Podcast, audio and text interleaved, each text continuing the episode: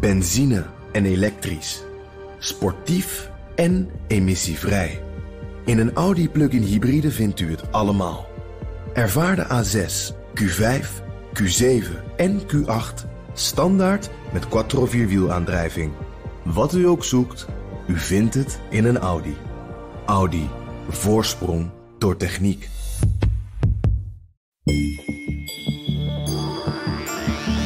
Er heerst onrust in de Chinese tech-industrie vanwege iets dat 996 heet. En in essentie komt het erop neer dat het een 72-urige werkweek is. Steeds meer werknemers verzetten zich daartegen, maar techbazen zoals Jack Ma noemen het juist cruciaal voor de vooruitgang.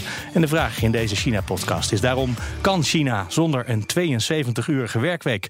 Ik praat erover met Jacco Bouw, CEO van WebPower. Een bedrijf gespecialiseerd in onder andere e-mailmarketing en zeer actief op de Chinese markt. En Ardi Bouwers sinologe, oprichter van de China Circle en universiteitsdocent journalistiek in China. Ik ben Mark Beekhuis en deze podcast wordt mogelijk gemaakt door het Leiden Asia Center. Jacco, jij hebt personeel ook in China, hè? Ja, we hebben een paar honderd man in eh, China zitten, over, verdeeld over zes kantoren. En werken die 72 uur per week? Nou ja, het is, uh, als je een deadline hebt, wil het best wel eens een keer gebeuren. Maar het is niet standaard bij ons. Het is niet het, uh, het rooster waarop mensen werken. Nee, nee, absoluut niet. Dat 996, uh, 72 uur, hoe zit dat met elkaar? 996 is dat je van 9 tot 9 werkt, 6 dagen per week. 12 uur per dag? 12 uur per dag, 6 dagen per week. Zit dus dat met is onze 8 uur werkdag hier. Ja, ja, ja, ja. Ja, hoewel als je het heel leuk werk hebt. Ik weet niet hoe, jullie, hoe lang jullie werken, maar mij overkomt het ook wel eens. Ik vind het helemaal niet erg om hard te werken. Maar uh, op zich uh, wordt het vervelend als je werk minder leuk is. En wordt het ook vervelend als je er niet voor betaald wordt. Is het overwerk? Het is soms onbetaald overwerk. Oké, okay, dus dan krijg je voor 40 betaald en je werkt 72. Is het zo, uh, het zo hard? Uh, dat zou kunnen. Uh, het is natuurlijk de, de generatie de, die de programmeurs, waar enorm tekort aan is in China. Die ook allemaal enorm veel willen bereiken. En uh, die uh, kiezen wel inderdaad wel eens voor de grote bedrijven. En uh, ja, wat je nu in de laatste weken ziet, is dat 996 een beetje een norm begint te worden. En ja, dat, dat kan natuurlijk nooit de bedoeling zijn. Nee, want dan ga je, als je van 8 naar 12 uur gaat, dan heb je gewoon een enorme loonsverlaging voor jezelf georganiseerd. Dat klopt. Toch? Ja. Daar komt het op neer. Over wat voor soort banen gaat het? Is dat specifiek iets voor programmeurs of komt dat in alle sectoren van het, van het bestaan voor? Volgens mij komt het in veel uh, sectoren voor. Is het uh, echt uh, vrij grote schaal. Ik bedoel, niet alleen in de tech-sector, maar ook nou ja, natuurlijk in de, in de pakjes rondbrengindustrie. en op allerlei andere. Dus heel erg aan de onderkant van de arbeidsmarkt. Ja, ook lopende bandwerk, dat soort zaken. ja, daar zijn ook nou, op het moment dat er, dat, dat er productie gedraaid moet worden, omdat er een nieuw model is, dan is dat ook standaard in de, in de productiesector. Ja, absoluut. Ja. Nou ja, je ziet inderdaad in het, de tech die het nu inderdaad naar buiten brengt. Uh, daar komt natuurlijk, uh, die hebben de mogelijkheden om het inderdaad uh, online te brengen en inderdaad de wereld in te slingeren. En vandaar dat hij nu ook aandacht krijgt en ook in de rest van de wereld echt wel aandacht krijgt. Um, maar de dus tech is niet bijzonder, het is alleen dat de tech de mogelijkheid heeft om te vertellen dat het een probleem is. En misschien ook wel dat de mensen daar wat beter opgeleid zijn en wat makkelijker kunnen protesteren. Absoluut, dat, dat, dat, dat speelt mee. Het zijn ja. meestal universitair opgeleide jongens uh, en meisjes inderdaad die, uh, die in de tech, uh, techwereld werken. En is dat inderdaad iets wat bij de grote bedrijven... want ja, hoeveel mensen heb jij in China rondlopen? Ja, ruim 200. 200, dat is toch niet heel erg mega nee. natuurlijk. Het is wel een grote operatie. Maar is dat iets wat op de, bij 200 medewerkers al begint te tellen... of moet je daarvoor formaat Alibaba zijn? Nee, het geldt vooral vanuit de start-up industrie natuurlijk... waar dit vandaan komt. En een start-up, je begint niet met 200 man te werken. Dus nee. een start-up is inderdaad meestal de kleine teams... Waar je, waar je niet vies van moet zijn om gewoon zeven dagen de week te werken. Wij hebben niet anders gedaan toen wij in China begonnen. Dus het is ook gewoon zeven dagen in de week op kantoor en proberen je droom uh, te verwezenlijken. Ja, maar jij hebt aan het eind van die periode als start-up eigenaar natuurlijk uh, je start-up. En dat is dan heel veel waard. Die anderen hebben gewoon twaalf keer voor, het jaar, voor het jaar een loonstrookje voorbij zien komen. absoluut. Dat is een andere intensiteit waar je erbij in kan gaan. Absoluut. Maar het is wel ook voor, voor de jongens dat je wel een droom verwezenlijkt. En de jongens hebben ook met z'n allen echt wel wat bereid. En hebben daarna ook weer mogelijkheid om, om weer mooie nieuwere banen ook weer te, te creëren voor zichzelf. Ja. En men leert natuurlijk in een korte periode enorm veel. Um, ja, dus daar komt het echt wel, wel, uh, wel uit. En uh, de grote organisaties, zoals nu ook uh, Alibaba met Jack Ma, ook hij zegt wel van, ja, het kan niet de bedoeling zijn dat je, dat je 996 werkt. Echt, nou, zegt, hij, zegt hij dat echt? Ja, hij zegt, hij is trots op de mensen die hun droom proberen te verwezenlijken. En zo legt hij het ook uit. Nee, het klopt. In eerste instantie heeft hij gezegd: uh, als je je droom wil verwezenlijken, als je ergens wil komen in het leven, en je, als, je, en als je jong bent uh, en je wil niet 72 uur of 996 werken, ehm, ja, wat ben je dan waard eigenlijk? dan kom je er nooit. maar vervolgens, na een paar, na, na, een kleine week, heel veel commentaar en heel veel discussie, heeft hij gezegd: als een baas 996 oplegt, is dat geen goed idee, dat is een slecht idee. Je moet het zelf willen. Je moet het zelf willen. Je moet zelf zien dat er iets voor je in zit. Maar en als je een hele leuke baan hebt, dan ben je, ben je waarschijnlijk bereid om dat te doen. Ja, maar zegt hij dan ook niet een eh, toch ook daarmee, als je bij ons wil komen werken, dan vind ik dat je het moet willen, anders moet je niet bij ons komen werken? Nou, dat, dat is wat hij in eerste instantie zei. Wij, wij bij Alibaba hebben eigenlijk helemaal geen behoefte aan mensen die niet bereid zijn om dit te doen. Uh, en daar is hij, dat heeft hij, van teruggekomen. Is hij van teruggekomen. En dat ja. inderdaad ook wel uit, uh, uit druk vanuit de overheid komt. Uh, het is ook de overheid die zich op een gegeven moment wel wat uh, uh, ja, minimaal... Ja, is er een Chinese arbeidstijdenwet? Zegt hij hier de, iets over? Er is een Chinese arbeidstijdenwet. En die maximum standaard werkweek is 40 uur per week. En maximaal aantal overuren, betaalde overuren, is 36 uur per maand. Dus dat is niet zo heel op veel. 4 keer 72. Dat lukt dus helemaal nooit. Dus, dus nee. nu hebben. Want er is nu echt een, een soort online petitie. Wat politiek gezien best uh, uh, ingewikkeld is en, ja, en uh, gevaarlijk. Punt. Ja. Um, is daar de mensen zeggen dat ze tegen, negen, tegen dat 996-systeem zijn. Maar ook hebben ze, zijn ze een zwarte lijst aan het aanleggen van bedrijven die 996 hanteren. Of die in elk geval onbetaald overwerk op grote schaal inzetten. En daar staan inmiddels ruim 100 bedrijven staan daarop. Inclusief Alibaba, Huawei, JD. Dus alle grote bedrijven die, die staan en op Alibaba die is er niet afgegaan na die commentaren. Nee, want nee, terwijl het op zich natuurlijk wel belangrijk is als de baas van zo'n groot bedrijf het signaal geeft dat het niet de bedoeling is, dan is dat in principe een belangrijk signaal. Maar hij heeft dat gedaan nadat hij heeft gezegd dat eigenlijk ja. een goede Alibaba-werknemer natuurlijk wel bereid is. En voordat tot het doorcijpelt tot op de grond, er natuurlijk heel veel lagen tussen in zijn, ja. zijn bedrijf. Ja. Um, en hij zegt, ja, dat is toch, uh, het is nodig voor de Chinese economie ook, hè? Nou ja, wat je ziet is dat de competitie dan heb ik het toch specifiek over techbedrijven, is enorm groot. We hebben het hier natuurlijk, we kennen hier Alibaba. Uh, GD, de meesten de, kennen dat bedrijf niet eens. Terwijl de competitie tussen uh, GD aan de ene kant, als het over e-commerce gaat, en Alibaba aan de andere kant, die, die competitie daar intern is enorm groot en echt een vechtmarkt. En uh, ja, allebei de, markt, allebei de bedrijven proberen natuurlijk bovenaan te blijven. Men probeert natuurlijk de beste technische mensen aan zich te binden. Maar ook de deadlines, die worden gewoon veel te krap gesteld, omdat ze elkaar gewoon voor willen blijven. En dan gaat het niet direct dat ze dus inderdaad lange dagen moeten werken. Want we hebben het nu over 996. Maar het gaat gewoon om heel hard werken. Uh, voor, uh, voor uren die je ook niet allemaal betaald krijgt. Uh, zie je gewoon nu dat, ja, dat die deadlines, doordat ze te kort zijn, dat mensen echt zeven dagen in de week over gaan werken om het die deadlines te kunnen bereiken. Ja. Want ook dat is gezichtsverlies als je dat niet, niet, niet gaat halen. En, ja, je kan, het ook oplossen, je kan het ook oplossen met anderhalf keer zoveel personeel. Ja, maar die zijn er ook niet. Die zijn er niet. Nee, die zijn er niet. Het is echt een, een tekort aan goed technisch personeel. Ook in China. Dat geldt in de, in de techne-industrie misschien. Ja. Uh, op zich is het toch wel aardig om te. Die, die 996-petitie die heet 996 ICU Intensive Care Unit.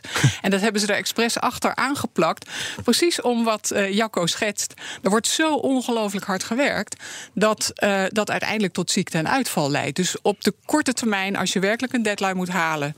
dan zou je het kunnen inzetten. En dan kan ik me ook voorstellen, zeker als je, als je mensen beloont dat het de moeite waard is. Op de lange termijn uh, is, is, de, is mijn overtuiging dat het niet houdbaar is. Ik hoor ook dat de zenuwinzinking van Elon Musk hier een rol in gespeeld heeft. Is dat uh, nou, Elon in Musk China is, het effect? Elon Musk is een enorme held. Dus ik geef les in, uh, in journalistiek in, in China. En ik vraag altijd aan mijn studenten in het begin... Um, om een kort essay te schrijven over hun held. Elon Musk is altijd een van de helden van mijn Chinese studenten. Uh, dus wat Elon Musk doet, uh, wordt heel erg in de gaten gehouden. En nou, dat type ondernemer, uh, daar zijn heel veel Chinezen mee bezig. Dus op het moment dat je merkt dat zij merken dat Elon Musk midden in de nacht rare tweets aan het schrijven is en, en bijzondere dingen zegt, dan, dan hakt dat erin. En dat zou misschien wel eens een vonkje kunnen geweest zijn. Dat mensen denken, oh, misschien moeten we niet 996 hier. Dat is te veel voor ons. Ja, ik denk dat het Niet ook ermee hard. te maken heeft dat het een, een andere generatie aan het worden is. Dus waar de, de mensen waar, waar jij, Jacco, je bedrijf mee opgebouwd hebt, dat is eh, nou, midden jaren nul. Eh, de mensen die nu aan het werk gaan zijn, wat in China de, de post-90-generatie, dus de, de millennials noemen wij ze. Eh, en die zijn gewoon minder bereid om dit soort uren te draaien en dit soort offers te brengen, als er niet iets tegenover staat. En daar staat te weinig En daar staat er weinig tegenover. tegenover. Want wat staat daar tegenover? Als Nou je dat zo vol erin gooit, maar iedereen doet dat, want iedereen moet dat. Nee, wat je natuurlijk, en dat is, eh, om hierop in te haken, het is inderdaad eh, de generatie eh, die, die nu net eind 80, begin 80, eind jaren 80, eh, die hebben inderdaad nog niet die luxe gehad van hun ouders die al echt vermogend waren. Dat is de nieuwe generatie wel. Alle eh, digitale mogelijkheden gehad om te zien hoe het in Amerika of in Europa werkt, waar men toch heel veel naar kijkt.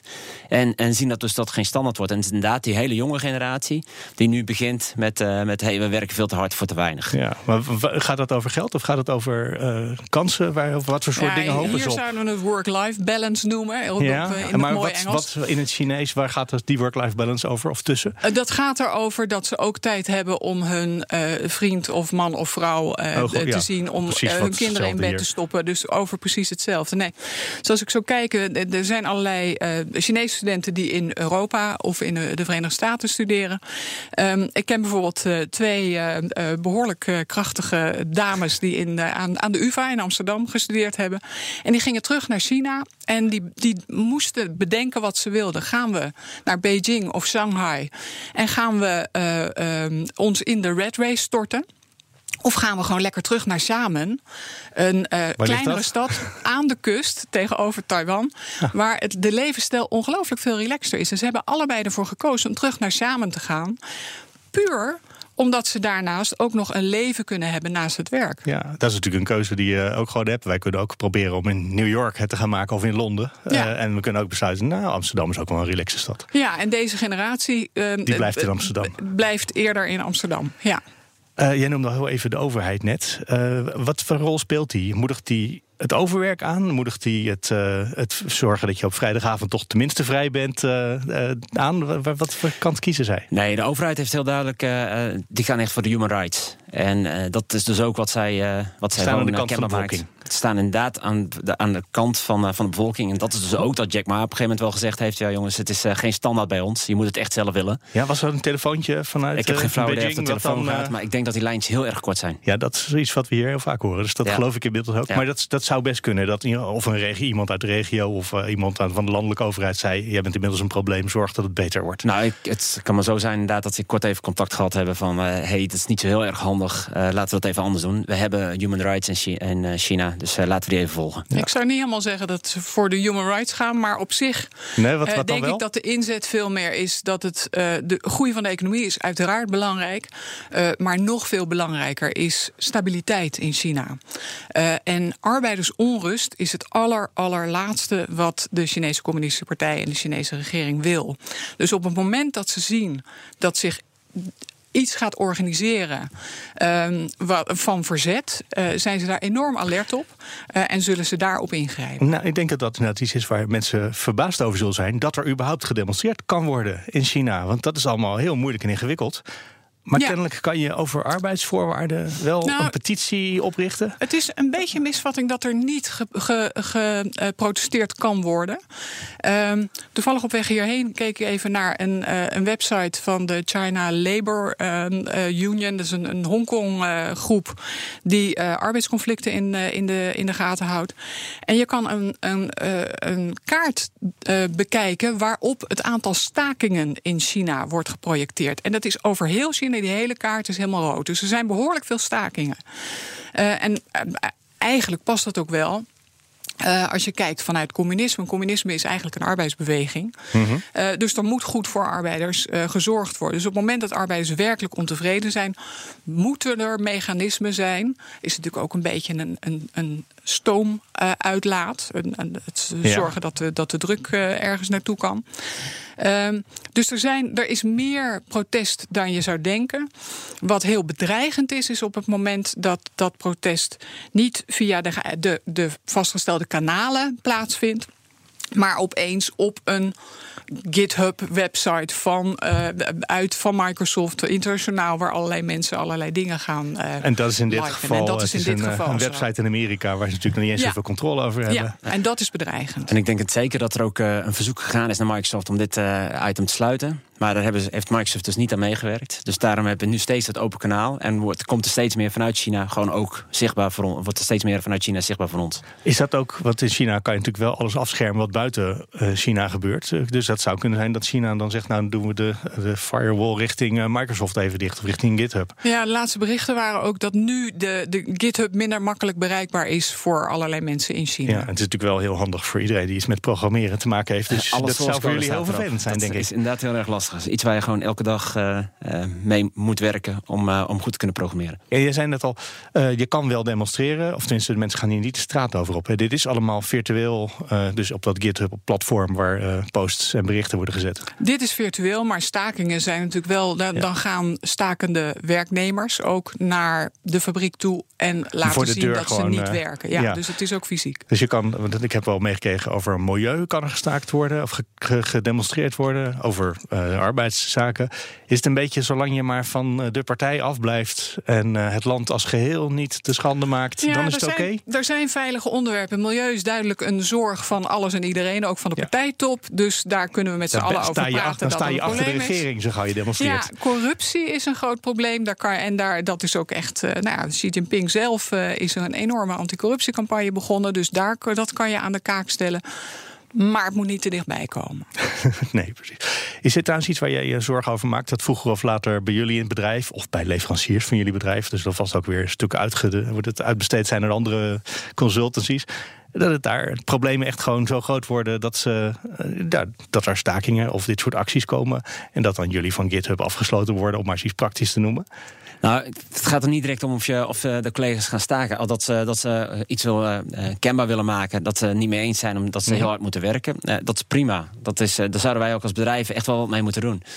Um, uh, ja, en, dat begint, uh, begint vooral van, ja, zet die deadlines niet zo kort. Uh, geef het iets meer ruimte, zodat er gewoon wat, wat meer speling is in, in het geheel. Maar past dat ehm, in de Chinese aanpak? Want ik hoor altijd dat ze daar zo heerlijk kunnen doortrekken. En dan gewoon, oh, we hebben vandaag hebben we een flatgebouw nodig. Nou, volgende week moeten we een eind zijn. Nou ja, dat, inderdaad is dat wel. prestigeprojecten heb je altijd. Mhm. en, en de competitie binnen grote bedrijven heb je ook. Dus ja, zal, het zal altijd wel, of altijd, het zal inderdaad wel de, de, de, de drang om, om iets te presteren binnen een te korte periode zal er altijd wel blijven. Dit is, uh, uh, of dat heel heel erg kwaad kan, als het niet elke week is, denk ik niet dat het heel erg uh, een groot issue is. Het moet inderdaad niet 52 weken per jaar worden. Ze hebben daar ook mooie termen voor. Hè? Dus een, uh, iemand die ik ken, die werkte in Shenzhen en was bezig met het, met een, het opzetten van een uh, designmuseum daar. Um, en natuurlijk, korte deadlines moest enorm gewerkt worden. Nou, gewoon vaak tot diep in de nacht. En dat heet dan Shenzhen Speed. Uh, en daar is iedereen dan trots op. Maar vervolgens, de, ja, de werknemers zeggen: ja, die Shenzhen Speed is helemaal geen Shenzhen Speed. Dat ben ik die tot twee uur s'nachts doorwerkt. Dus als, daar, ehm, als dat een korte periode is, geen probleem. Als dat standaard wordt, dan, dan ja, Net als hier vallen mensen op een gegeven moment ook gewoon om. Ja. Ja, daar zijn natuurlijk ook wel berichten over geweest. Dat de arbeidsomstandigheden zo beroerd waren dat mensen het niet volhielden. Dat ging niet over programmeurs, dat ging meer over uh, in elkaar zetten van iPhones. En ja, dat soort zaken. De organisatie natuurlijk gehad. Daar ging het over een aantal eh, medewerkers. Uh, uh, ook dat is, uh, is natuurlijk iets wat niet kan. Andere kant, het mhm. zijn ook, uh, er werken wel een 160.000 man. Ja, er is wel statistiek uitgerekend dat het eigenlijk reuze meeviel. En dat er minder mensen zelfmoord pleegden dan bij andere bedrijven. Terwijl eerst het bericht was dat het daar meer gebeurde. Maar inderdaad, als mensen vaak uitvallen of het beeld krijgen dat ze langer moeten doorgaan dan kan. Misschien moet je ook mensen tegen zichzelf beschermen. Wij hebben verplicht in Nederland, wat is het, 20 dagen vakantie. En die moet je opnemen. Daar kan je, ja, je kan natuurlijk als ZZP'er altijd doorwerken. Maar er zit een soort, vanuit de overheid kan je soms zeggen, zeker in een communistisch land, ja, we moeten jullie een beetje afremmen. Dus jullie hebben nu een offerte uitgebracht voor, nou, voor twee weken. Ik denk dat jullie vier weken nodig hebben. Is dat iets wat past als je, dat, als je daar aankomt op je kantoor en dan zeggen ze, we hebben twee weken, gaan we makkelijk halen? Nou ja, het is, uh, bij, bij, ons inderdaad is de deadlines ook kort. Uh, maar die worden inderdaad weer door onze opdrachtgevers uh, aangegeven. Omdat er weer waarschijnlijk wel wat, wat custom gemaakt moet worden voor, voor onze klanten. Mhm. En dan gaat er weer een campagne op televisie en, of, of op, op andere media's. En dan moeten we dus aan de achterkant klaar zijn. Ehm, en dan is het inderdaad gewoon uh, bijna 24 per dag, uh, per dag doortrekken. Echter geldt dat natuurlijk niet voor, voor grotere projecten die je echt plannen kunt. Uh, daar neem je wel echt de tijd voor. En als het over data gaat, dan, dan kun je echt wel voor jezelf. maar er zit zo'n ambitieuze projectmanager en die zegt: Ik breng een offerte uit. En ze vragen het in twee weken. Ik heb gedacht, we moeten sneller zijn dan de concurrent.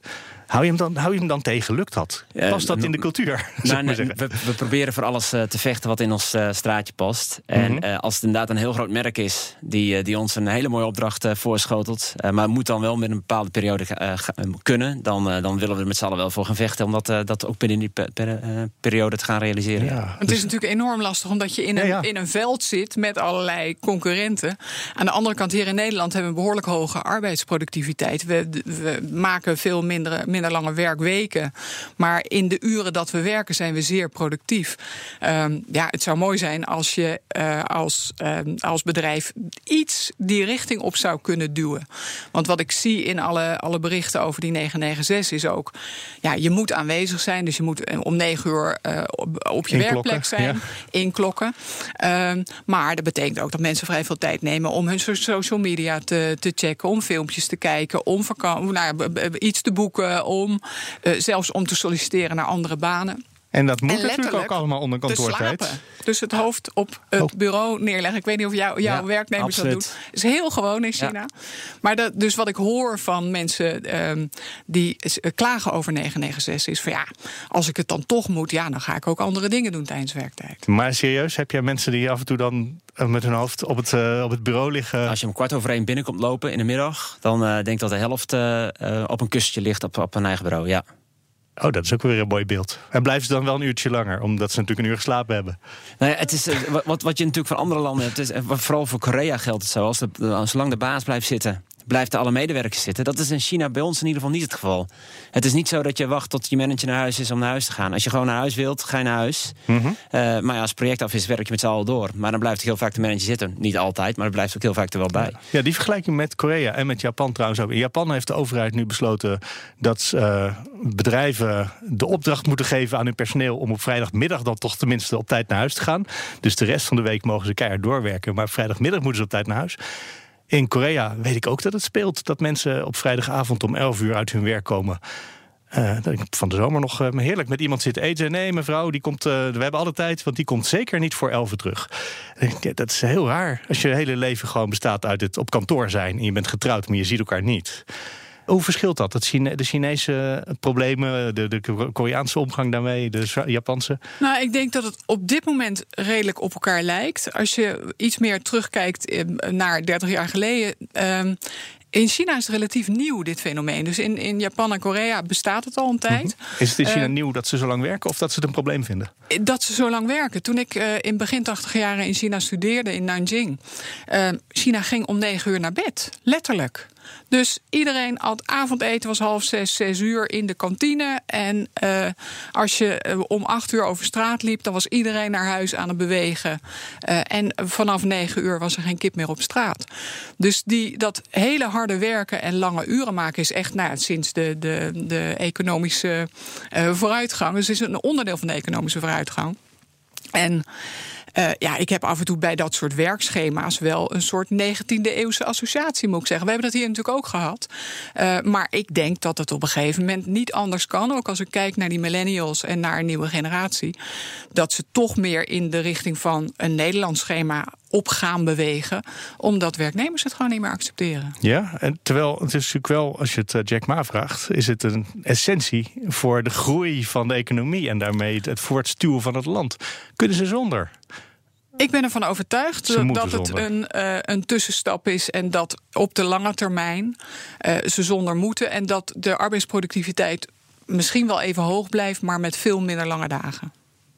Eens hoor, daar sluit ja. ik me volledig bij aan. Het is, uh, je ziet de, de, verandering ook al nu plaatsvinden, vind ik tenminste persoonlijk bij, ja. bij ons. Uh, je bent die start-up fase door.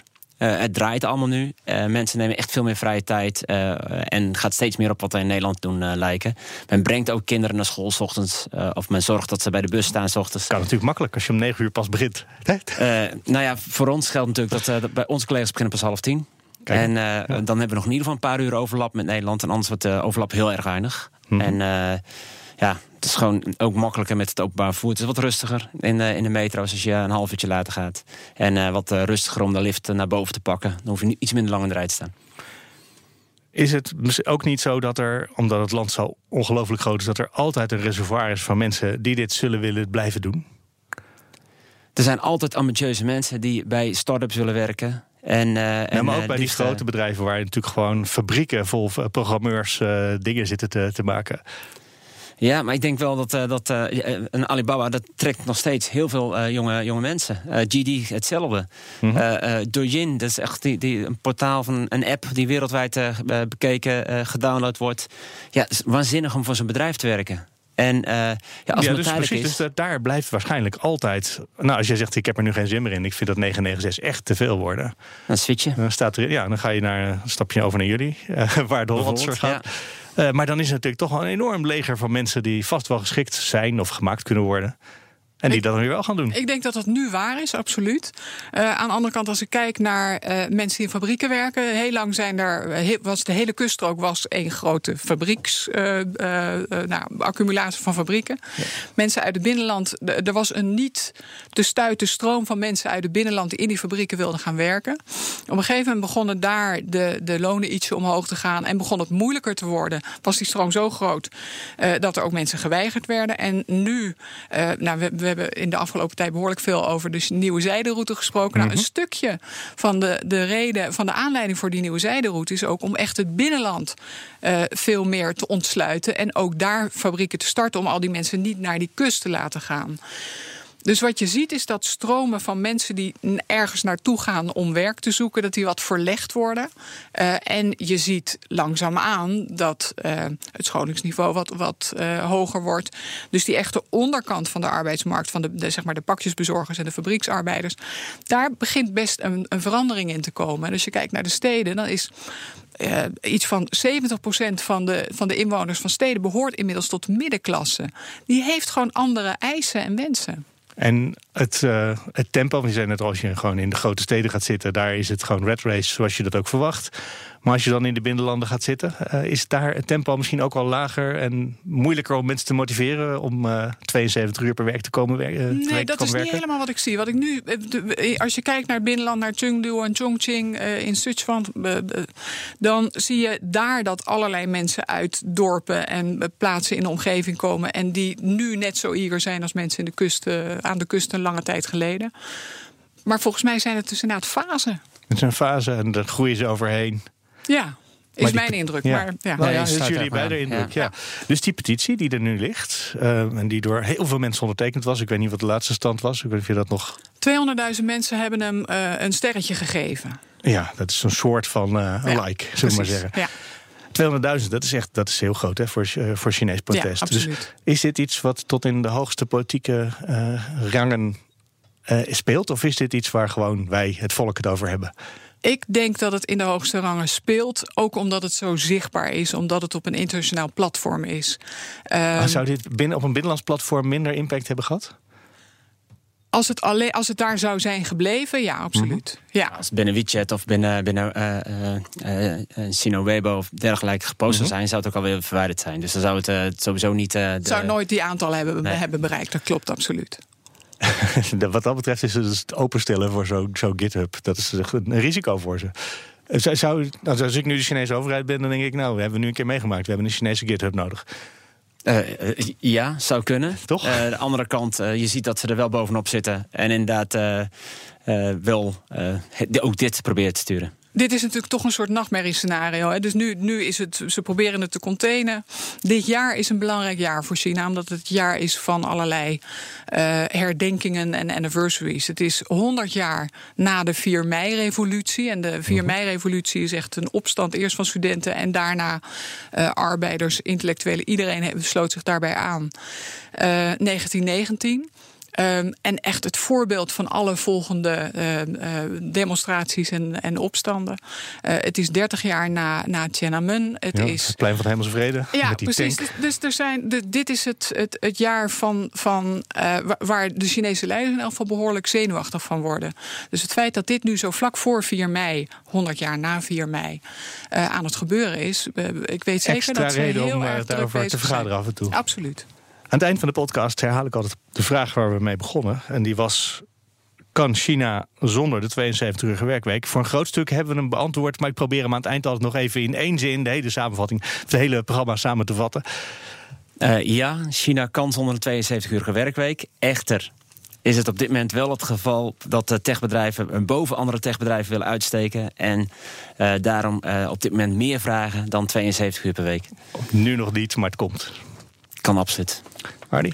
Ja, ik ben ervan overtuigd dat het kan. En eh, sterker nog, ik denk dat het in het belang van de communistische partij en de leiders eh, is om te zorgen dat er vanaf de top een voorbeeld wordt gegeven om te laten zien dat het voor iedereen beter is om andere werktijden te hanteren en zeer productieve werktijden. En dan komen we bij het einde van de China-podcast. Deze aflevering in elk geval. Dank aan mijn gasten, Ardy Bouwers en Jacco Bouw. De China-podcast wordt mogelijk gemaakt door onze sponsor, het Leiden Asia Center. En alle afleveringen zijn natuurlijk terug te luisteren via bnr.nl slash China-podcast, de BNR-app, iTunes, Spotify... of welke plek je ook gebruikt om podcasts te zoeken. Wil je reageren? Ons e-mailadres is podcasts.bnr.nl. En je kan mij vinden op Twitter via het Marks Remarks. Tot over twee weken.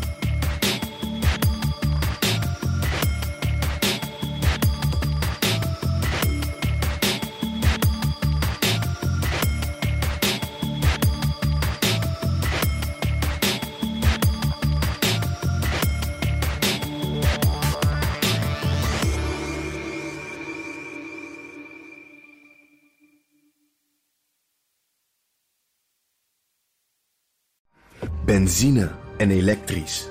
Sportief en emissievrij. In een Audi plug-in hybride vindt u het allemaal.